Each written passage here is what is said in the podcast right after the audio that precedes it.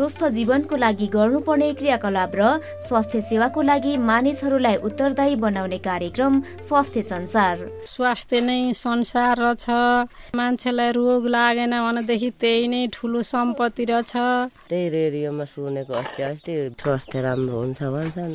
कहिलेकाहीँ अनि सिस्नो पनि खानु मन लाग्छ रोग लागेमा समयमै उपचार गर्नुपर्छ तर रोग लाग्नबाट कसरी बच्न सकिन्छ? विषयवस्तु अनुसार बिरामी डाक्टर स्वास्थ्य संस्थाका जिम्मेवार व्यक्तित्वहरूसँग कुराकानी गर्छौँ। चक्लेट चाउचाउ दिएर तँलाई मुटुको रोग लागोस् मृगौला खराब होस् भनेर चाहिँ तपाईँले यदि शराब दिन चाहनुहुन्छ भने यस्तो किसिमको खानेकुरा दिनुहोस्। पेट दुख्यो भनेर भन्नलाई लाज लाग्दैन टिबी भयो भनेर भन्नलाई लाज लाग्दैन भने मानसिक रोग भयो भनेर भन्न के को लाज? रोगै त हो नि। घरा थुनेर राख्नुपर्ने औषधि हेल्थ पोस्टमा फ्री पाइन्छ। गएर गभर्मेन्टले फ्री दिन्छु भनेर भनिहाल्छ देओस्। सामुदायिक रेडियो आफ्नै फिल्म एक सय चार थुप्रो आठ मेगा हर्स र internet online W W W dot आफ्नै फिल्म डट ओआरजीमा हरेक मङ्गलबार साँझ सात बजेदेखि सात तिससम्म र पुनः प्रसारण शुक्रबार बिहान छ तिसदेखि सात बजेसम्म सुन्न सकिन्छ। कार्यक्रम स्वास्थ्य संसार।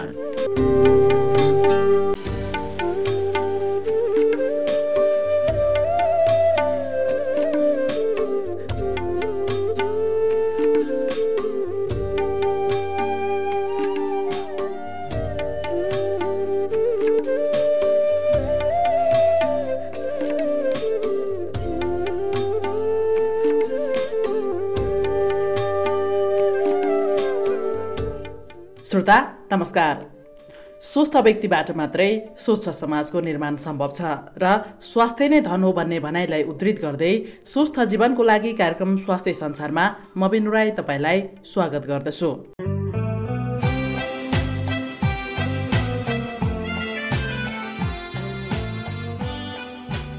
यस कार्यक्रम ओखलडुङ्गा सामुदायिक अस्पताल र आफ्नाभ्यामको संयुक्त सहकार्यमा उत्पादन गरिएको हो। स्वास्थ्य नै धन हो यदि हामी स्वस्थ भयौँ भने मात्रै सबै कुरा गर्न सक्छौँ। स्वस्थ भएनौँ भने हामीले केही पनि गर्न सक्दैनौँ। यसर्थ हामी कार्यक्रम स्वास्थ्य संसारमा रोग लागिहालेमा समयमै उपचार गर्ने तर रोग लागेर उपचार गर्नभन्दा पहिला रोगै लाग्न नदिने वा रोग लाग्नबाट कसरी बच्न सकिन्छ भन्ने विषयवस्तुलाई समेटेर कार्यक्रम प्रसारण गर्छौँ। विभिन्न सर्ने र नसर्ने रोगबारे जानकारी दिने वातावरणीय तथा व्यक्तिगत सरसफाइ सुरक्षित मातृत्व पोषण परिवार नियोजन र विभिन्न मौसममा लाग्न सक्ने रोगहरूको बारेमा छलफल गर्छौँ। साथै स्वस्थ जीवनको लागि गर्नुपर्ने क्रियाकलाप र सरकारी तथा गैर सरकारी स्वास्थ्य संस्थाहरूले प्रदान गर्ने सेवा सुविधाबारे समुदायलाई जानकारी गराउँदै स्वास्थ्य सेवाको लागि उत्तरदायी बनाउने उद्देश्यले यस कार्यक्रम प्रसारण गरिएको हो। यस कार्यक्रममा विषयवस्तु अनुसारको बिरामी डाक्टर स्वास्थ्य संस्थाका जिम्मेवार व्यक्तित्वहरूसँग कुराकानी गर्छौँ। त्यस्तै रेडियो सामग्रीहरू विषयवस्तु अनुसारको नाटक कथा समाचार रेडियो रिपोर्ट र स्वास्थ्य सम्बन्धीका सन्देशमूलक गीतहरू आदि समावेश गर्छौँ।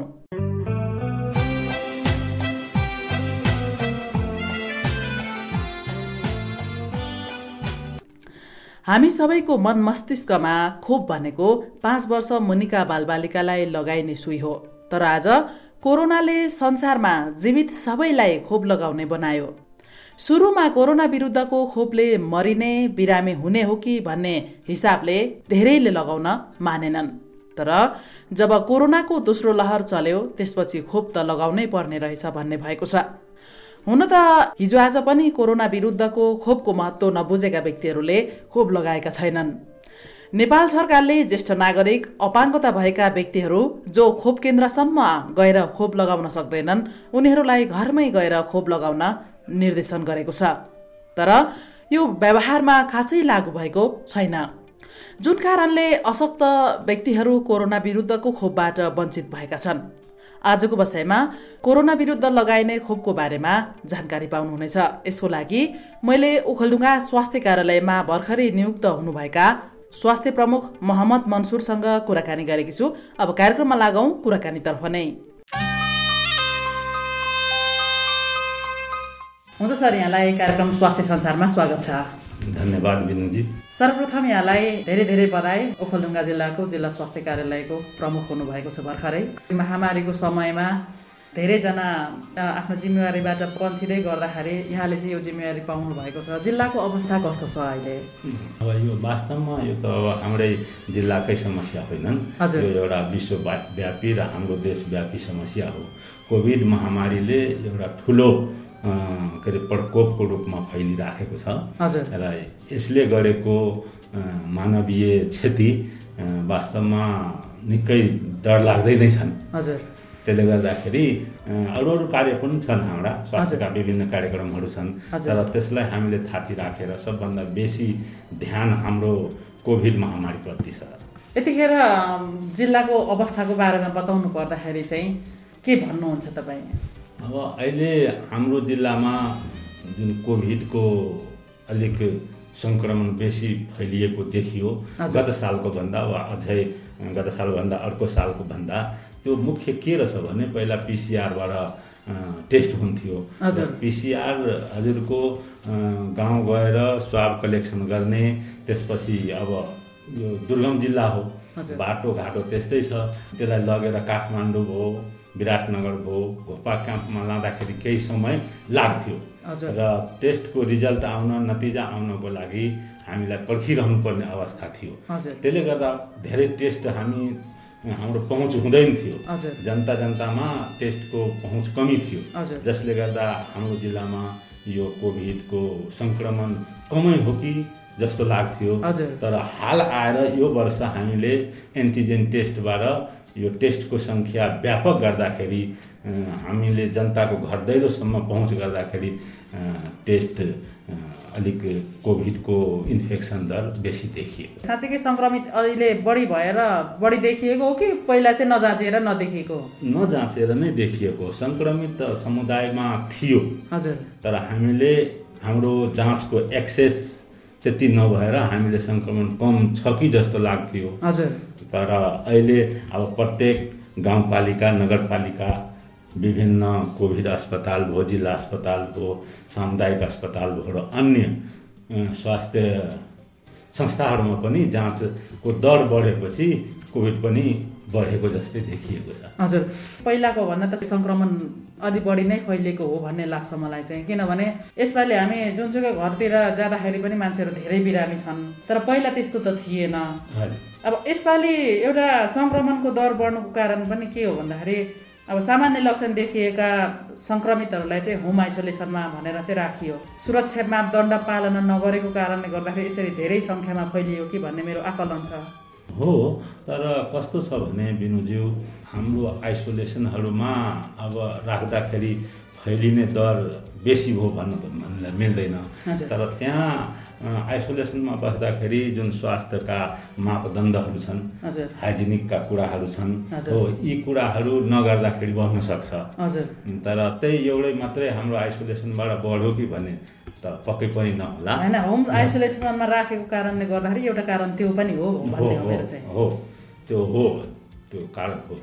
हजुर किनभने घरमा त अब हामी स्वास्थ्य संस्थामा त तपाईँहरूको सुरक्षाको मापदण्ड अनुसार गर्नुहुन्छ र फैलिएन किनभने आइसोलेसनमा बसेका स्वास्थ्य कर्मी सङ्क्रमित भएनन्। भएन तर अरू वार्डमा काम गर्ने स्वास्थ्य कर्मी चाहिँ सङ्क्रमित भएको छ नि त।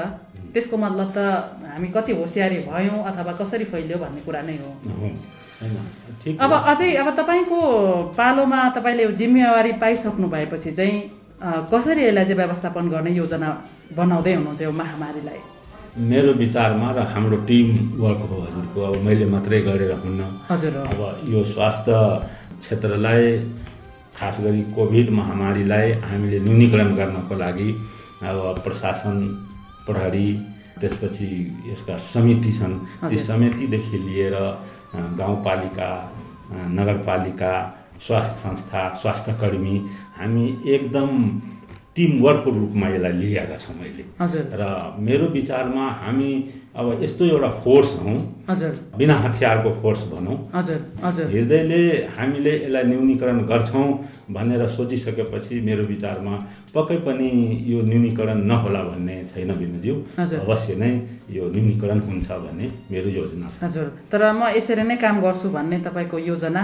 हजुरलाई के भनौँ भने जस्तै अहिले हामीले भ्याक्सिनको लगाउने दर पनि बढाइरहेका छौँ एन्टिजेन टेस्टको दर बढाइराखेका छौँ। जनचेतनाको कार्यक्रमहरू हजुरहरूले नै गरिराख्नु भएको छ। अन्य के अरे पर्सन टु पर्सन स्वास्थ्य संस्थामा स्वास्थ्यकर्मी हजुर। सबैले जनचेतनाको कार्यक्रम पनि गरिराखेको छ। यो व्यापकताले गर्दा हाम्रो योजना अवश्य पनि सफल हुनेछ भनेर मेरो धारणा छ। हजुर। अब खोपको कुरा निकालिहाल्नुभयो यहाँले। अहिलेसम्म कोरोना विरुद्धको खोप चाहिँ ओखलढुङ्गामा हामीले लगाउँदैछ लगाउने क्रममा छौँ होइन त्यसो हुँदाखेरि अहिलेसम्मको यो खोपको अवस्थाको बारेमा जानकारी दिनुहोस् न यो फेज वाइज खोप चलेको छ। विभिन्न मितिमा। जस्तै मार्च पन्ध्रदेखि चौबिस गतेमा चलेको कोभिडसिल्ड। फर्स्टचोटि हामीले त्यतिखेर हाम्रो जिल्लाभरिमा सम्पूर्ण यो गाउँपालिका नगरपालिकाको जुन खोप केन्द्रहरू छ। ती माध्यमबाट चलाउँदाखेरि एघार सय सैँतिसजना त्यतिखेर लाथ्यौँ। त्यस्तै फागुनको दुईदेखि दस गतेसम्म हामीले कोभिडसिल्डकै भ्याक्सिन सञ्चालन गरेका थियौँ। त्यतिखेर हजुरको आठ सय अन्ठाउन्नजना हजुर। लाई दिएका थियौँ। त्यसै गरी कोभिडसिल्ड नै फाल्गुन तेइसदेखि चैत्र आठ गतेसम्मको क्याम्पिङमा हामीले सोह्र हजार पाँच सय नब्बेजनालाई दिएका थियौँ। अनि त्यसपछि हामीले फेरि भेरोसिल्ड चलायौँ। पहिलो मात्रा। जुन हाम्रो ज्येष्ठको अठ अठाइस गते चलाएको थियौँ। त्यतिखेर जम्मा दुई हजार एक सय पैँतालिसलाई दियौँ। त्यस्तै भेरोसिल्डकै पहिलो मात्रा श्रावण सत्रदेखि छब्बिसमा चलाएको थियौँ त्यतिखेर हामीले नौ हजार दुई सय तेह्रलाई दिएका थियौँ। त्यही बिचमा हजुरको हाम्रो जनसनको पनि खोप आयो जुन श्रावणको छब्बिस गते चलाएको थियौँ। हो त्यो जम्मा जुन सिङ्गल डोज थियो। डोज लगाएपछि पुग्ने। त्यो जम्मा जम्मी सात हजार तिन सय अडचालिसजनालाई लाएको थियो हो यसै गरी हामीले छब्बिस गतेसम्मको यो कोभिड महामारीको प्रतिकार गर्ने खोप लगाउँदाखेरि जम्मा जम्मी हामीले सैँतिस हजार दुई सय एकानब्बेजनालाई अहिलेसम्म लगाइसकेका छौँ। धेरै अगाडि कोभिडसिल्ड लगाएको मान्छेले फेरि दोस्रो डोज लगाउन पाएको छैनन्। त्यसको लागि चाहिँ के छ यहाँहरूको? हो कोभिडसिल्ड अब नेपालमा आस्ट्राजेनिक जापानमा बनेको कोभिडसिल्ड इन्डियाको। आइसकेको छ। अब सरकारको नीति अनुसार र उसले एक्सेस अनुसार। उसले सुगम ठाउँमा चाहिँ पुर्याइसकेको छ आशा। गरौँ यहाँलाई चाहिँ फेरि चाँडै नै आउँछ जस्तो सर यो विभिन्न किसिमको विभिन्न देश अनुसारको खोपहरू आउँछन् अनि विभिन्न खोप अनुसारको मानिसहरूको विभिन्न किसिमको टिक्का टिप्पणी हुन्छ। त्यो खोप लायो भने त ल मरिन्छ अरे त्यो खोप लायो भने त के हुन्छ अरे भन्ने खालका कुराहरू आउँछ। वास्तविकता चाहिँ के हो? यो अहिले एकदमै अन्यल छ धेरैजनाले खोप पनि नलाइरहनु भएको अवस्था छ। धन्यवाद बिलिङ। वास्तवमा हो यो विभिन्न मिडियाहरूमा पत्र पत्रिकामा आएकै कुरा हो। हजुर। तर मेरो विश्लेषण अलिक फरक छ हजुर। जस्तै कुनै पनि चिज जस्तै भ्याक्सिन भनौँ न यो एउटा एन्टिजेनको रूपमा वैज्ञानिकले बनाएको हो। वास्तवमा यसले कुनै पनि व्यक्तिको शरीरमा गइसकेपछि यसले उक्त रोग विरुद्धको रोग क्षमता बढाउने। छ भन्ने उद्देश्यले गरेको हो। अब के हुने रहेछ भने संसारमा अब आठ भनौँ न आठ बिलियन। हजुर। आठ अरब जति मान्छे छन्। र वास्तवमा यी सबै मानिसको केही न केही त फरक छ। हजुर। जस्तै हाम्रो औँठा छाप एउटाले अर्कोको त वास्तवमा तिनीहरूको र प्रत्येक मान्छेको एउटै बनाउन त गाह्रो छ। भगवान्ले त बनाउन सकेनन्। प्रकृतिले बनाउन सकेनन्। त एउटा एन्टिजेन एउटा वैज्ञानिकको समूहले बनाउँदाखेरि लु सबैलाई एकै हो है। भनेर त गाह्रो हुने हो। किनभने हाम्रो हामी प्रकृतिका जीव हौँ यसरी बुझौँ प्रत्येक व्यक्ति अनुसारको खोप बनाउनु गाह्रो छ। गाह्रो छ। त्यसले गर्दाखेरि अब अर्को कुरो के रहेछ भने यो खोप लाउँदाखेरि मेरो शरीरमा यी रोग विरुद्ध जुन रोगको विरुद्धमा लगाइरहेछौँ यसको विरुद्धमा प्रतिरक्षा प्रणाली सक्रिय भएर यो रोगसँग लड्ने क्षमता बढ्छ है। भन्ने एउटा सकारात्मक सोच लिएर यदि लगायो भने। वास्तवमा त्यो किनभने के छ भने हाम्रो प्रकृतिमा जस्तै जस्तो मन त्यस्तै अन र जस्तो अन त्यस्तै तन। भनेपछि जुन हामीले कुनै चिजलाई जुन मनले लियौँ भने त्यो हाम्रो शरीरमा गएर त्यसै किसिमको प्रतिक्रिया गर्दो रहेछ। मानिलिउँ न भातै खाएर यो भात पोइजनस हो। यसमा विष थियो भन्यो भने त मानिस बेहोस हुने झाडा पखाला लाग्ने। उल्टी हुने आउन सक्छ। हो यो रूपमा मानिसले लिएको हुनाले वास्तवमा त्यस्तो हुन गएको हो भन्ने मेरो सोचाइ। हजुर। अब कसै कसैलाई एलर्जी गर्यो होला। नगर्ने होइन एएफआई हुनसक्छ है भनेर। वैज्ञानिकले पनि भनेको छ। त्यसले गर्दा हुनसक्छ। त्यो अब त्यति हुनु ठुलो कुरा होइन। तर यो जति पनि खोप लगाइयो अहिलेसम्म खोप लगाउँदाखेरि खोप लगाएकै कारणले गर्दाखेरि मलाई यस्तो भयो भनेर समस्याहरू कस्तो गुनासोहरू पाउनु भएको छ यहाँले साधारण ज्वरो आउने टाउको दुख्ने कोही कोहीलाई रिङ्गटा लाग्ने। मैले अघि पनि दर्शाएँ। रूपमा कसैले लियो होला। हुनसक्छ। हो त्यो हामीले पाएका छौँ हजुर। र तिनीहरूलाई साधारण सिटामोल तातो पानी खानु आराम गर्नु भनेर भन्दाखेरि तिनी सबै जाति भएका छन्। त्यो त्यत्रो ठुलो पनि होइन। होइन। तर त्योभन्दा एकदमै ठुलो समस्या त आएको छैन नि अहिले हाम्रो। जिल्लामा त्यस्तो ठुलो समस्या देखिएको छैन। र नेपालभर नै सुनिएको पनि छैन अहिलेसम्म। हो त्यस्तो छैन। नेपालमा पनि छैन। जसलाई चाहिँ जोखिम बढी छ त्यो व्यक्तिहरूलाई चाहिँ प्राथमिकता दिएर सबैलाई नै खोप उपलब्ध भए अनुसार सरकारले नीति बनाएर खोप प्रदान गर्दैछ। तर जुन क्राइटेरियामा पर्ने व्यक्तिहरू हुनुहुन्छ आज पनि मैले यो खोप लाउँदाखेरि चाहिँ मर्छु कि अथवा मलाई बिरामी हुन्छु कि भनेर नलाउनेहरू धेरै छन्। धेरै छ वास्तवमा के छ भने एक नम्बरमा त यो के चिज हो भन्ने जानकारी प्रत्येक नेपाली जनतालाई नहुनु पनि सक्छ। हजुर। किनभने हामी त्यहाँसम्म पहुँच नभएको पनि हाम्रै पहुँच नभएको पनि हुनसक्छ। अर्को कुरो यो के हो है यो यो चिज हो है भन्ने कति जनतालाई थाहा पनि त छैन र ती सबै कुरा थाहा नभइकन वास्तवमा तिनीहरूले चाहिँ यो यस्तो खराब गर्न सक्छ भन्ने सोच्नु राम्रै पनि हो। किनभने थाहा नभएको कुरालाई अब उनीहरूले लु यो राम्रो हो भनेर भन्नु सक्दैनन् हजुर। त्यसले गर्दाखेरि हाम्रो कर्तव्य के हुन्छ भने हाम्रो प्रत्येक तहबाट यी खोपको बारेमा जस्तै हाम्रो तल महिला स्वयंसेवी विकाससम्मको छ। तह स्वास्थ्यमा। हो त्यहीँबाट एउटा के अरे जनचेतनाको अभियान हामीले त चालु गरेका छौँ। चालु गर्दा गर्दै पनि अब ओझेलमा पर्ने केही जनता होला। एक पर्सेन्ट दुई पर्सेन्ट हुनसक्छ। नाइन्टी पर्सेन्ट नाइन्टी एट होला नाइन्टी नाइन नाइन्टी दुई पर्सेन्ट हुनसक्छ। हजुर। हो तिनीहरूसम्म पनि पुगुन् भन्ने हाम्रो उद्देश्य हो हजुर। र तिनीहरूले पनि यसरी नसोचुन् भन्ने हाम्रो धारणा चाहिँ छ। तर साँच्चीकै खोप लाउँदाखेरि चाहिँ के हुन्छ त त्यसो भए? किन खोप लाउने? एन्टिजेन हो। म अघि पनि भनेको थिएँ। मतलब रोग विरुद्धमा लड्नको लागि एउटा। फोर्स हो हजुर। एउटा सिपाही हो। हजुर।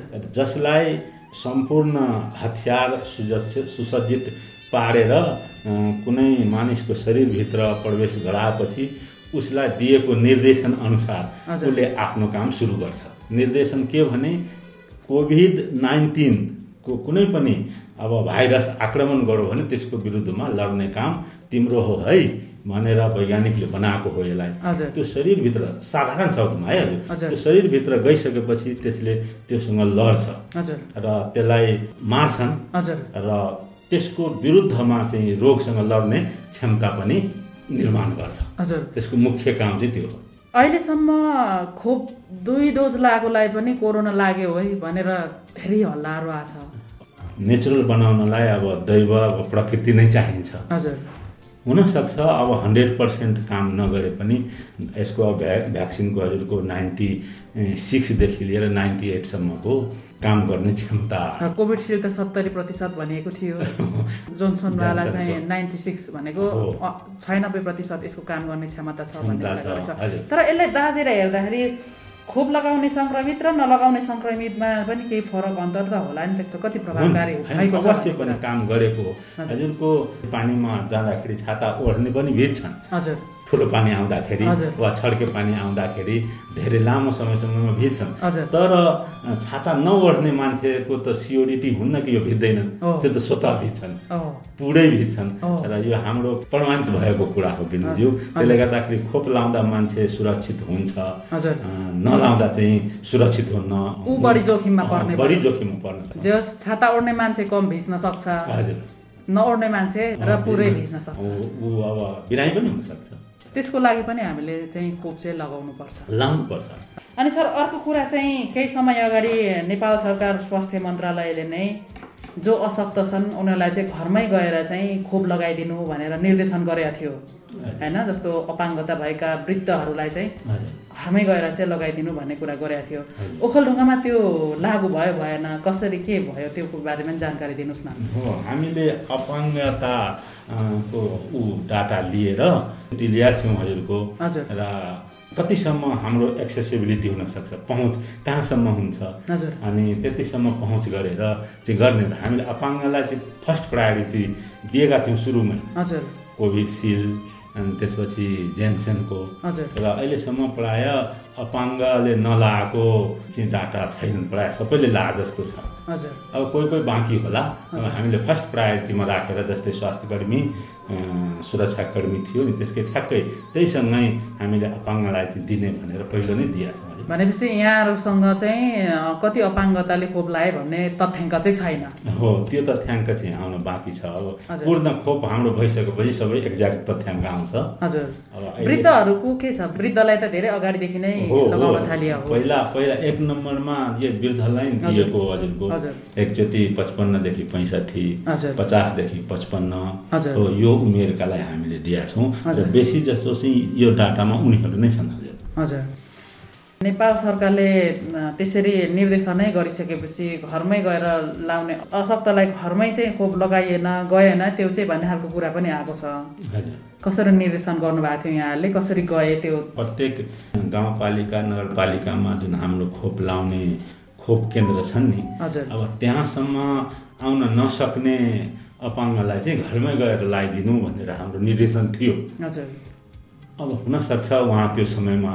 घरमा नहोला वा उहाँहरू जान नसकेको कम्युनिकेसन ग्याप चाहिँ हुनसक्छ। हजुर। तर अब काहीँ त्यस्तो छ भने हामीलाई सूचना प्राप्त भएमा हामी लगाइदिन्छौँ। हजुर। अहिले पनि के भएको छ तर मैले चाहिँ त्यस्तो भेटेको पनि छु सर। त्यो कारणले गर्दाखेरि मैले चाहिँ अब त्यो नेपाल सरकारले नै निर्देशन गर्नुभएको कारणले गर्दाखेरि अब कति एउटै घरमा दुईजना एकजना भन्दा बढी अपाङ्गता भएको पनि छन् हाम्रो त होइन त्यस्तो। तथ्याङ्क छन्। अब उनीहरूलाई त सबैलाई त्यो खोप केन्द्रसम्म लाने अवस्था पनि रहेन होइन। उनीहरू त्यो खोपबाट वञ्चित भएको कुराहरू आज पनि छन्। जहाँसम्म लाग्छ मलाई ओखलढुङ्गामा घरमै गएर चाहिँ खोप लायो अरे भन्ने खालको समाचार अहिलेसम्म मैले सुन्न पाएको छैन। त्यो थाहा भएन। यहाँले जानकारी नगराउनु भएर हो कि नगएर हो भनेर म अलिक स्पष्ट हुन चाहेको। होइन हाम्रो निर्देशन चाहिँ थियो त्यस्तो अपाङ्ग होइन। अब आउनै नसक्ने कुनै पनि विधिबाट आउनै नसक्ने हो भने। उहाँलाई चाहिँ घरमै गएर लाउनु भनेर हाम्रो निर्देशन छ। होइन हजुर? तर अहिलेसम्म अब हजुरले नै आज कुरा उठाउनु भयो अब त्यस्तो त्यहाँ पुग नपुगेको हो भने हामी पुनः त्यहाँसम्म गएर लगाऊ भन्ने हाम्रो निर्देशन अहिले पनि हामी दिन्छौँ पनि। हजुर।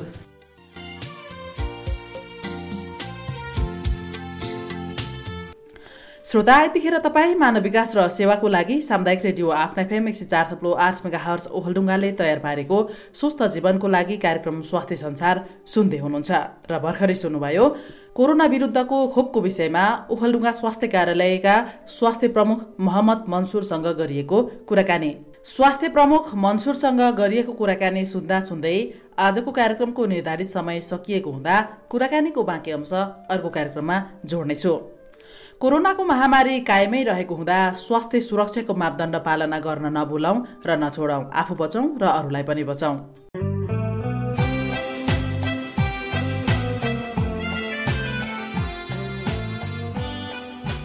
श्रोता अब भने मैले पनि कार्यक्रमबाट बिदा लिने बेला भएको छ। बिदा हुन अघि आजको कार्यक्रम तपाईँलाई कस्तो लाग्यो? जस्तो लाग्यो त्यस्तै र कार्यक्रमको बारेमा तपाईँको सल्लाह सुझाव प्रतिक्रिया पठाउनु हुन अनुरोध गर्दछु। तपाईँले पत्र पठाउने हाम्रो ठेगाना हो। कार्यक्रम स्वास्थ्य संसार आफ्ना फेम सिटी चरण नगरपालिका एघार ओखलडुङ्गा कमेरी डाँडा पानी ट्याङ्की अर्थात् अहिले तपाईँले सुनिरहनु भएको रेडियो स्टेसनमा पनि पत्रचार गर्न सक्नुहुनेछ। हवस् त श्रोता यतिन्जेल कार्यक्रम सुनेर साथ दिनुभयो। तपाईँलाई धन्यवाद। कार्यक्रम स्वास्थ्य संसारबाट म कार्यक्रम सञ्चालिका बिनु अर्को कार्यक्रममा फरक विषयमा फरक जानकारी लिएर आउने बाचाका साथ आजलाई आगे चाहन्छु। नमस्कार।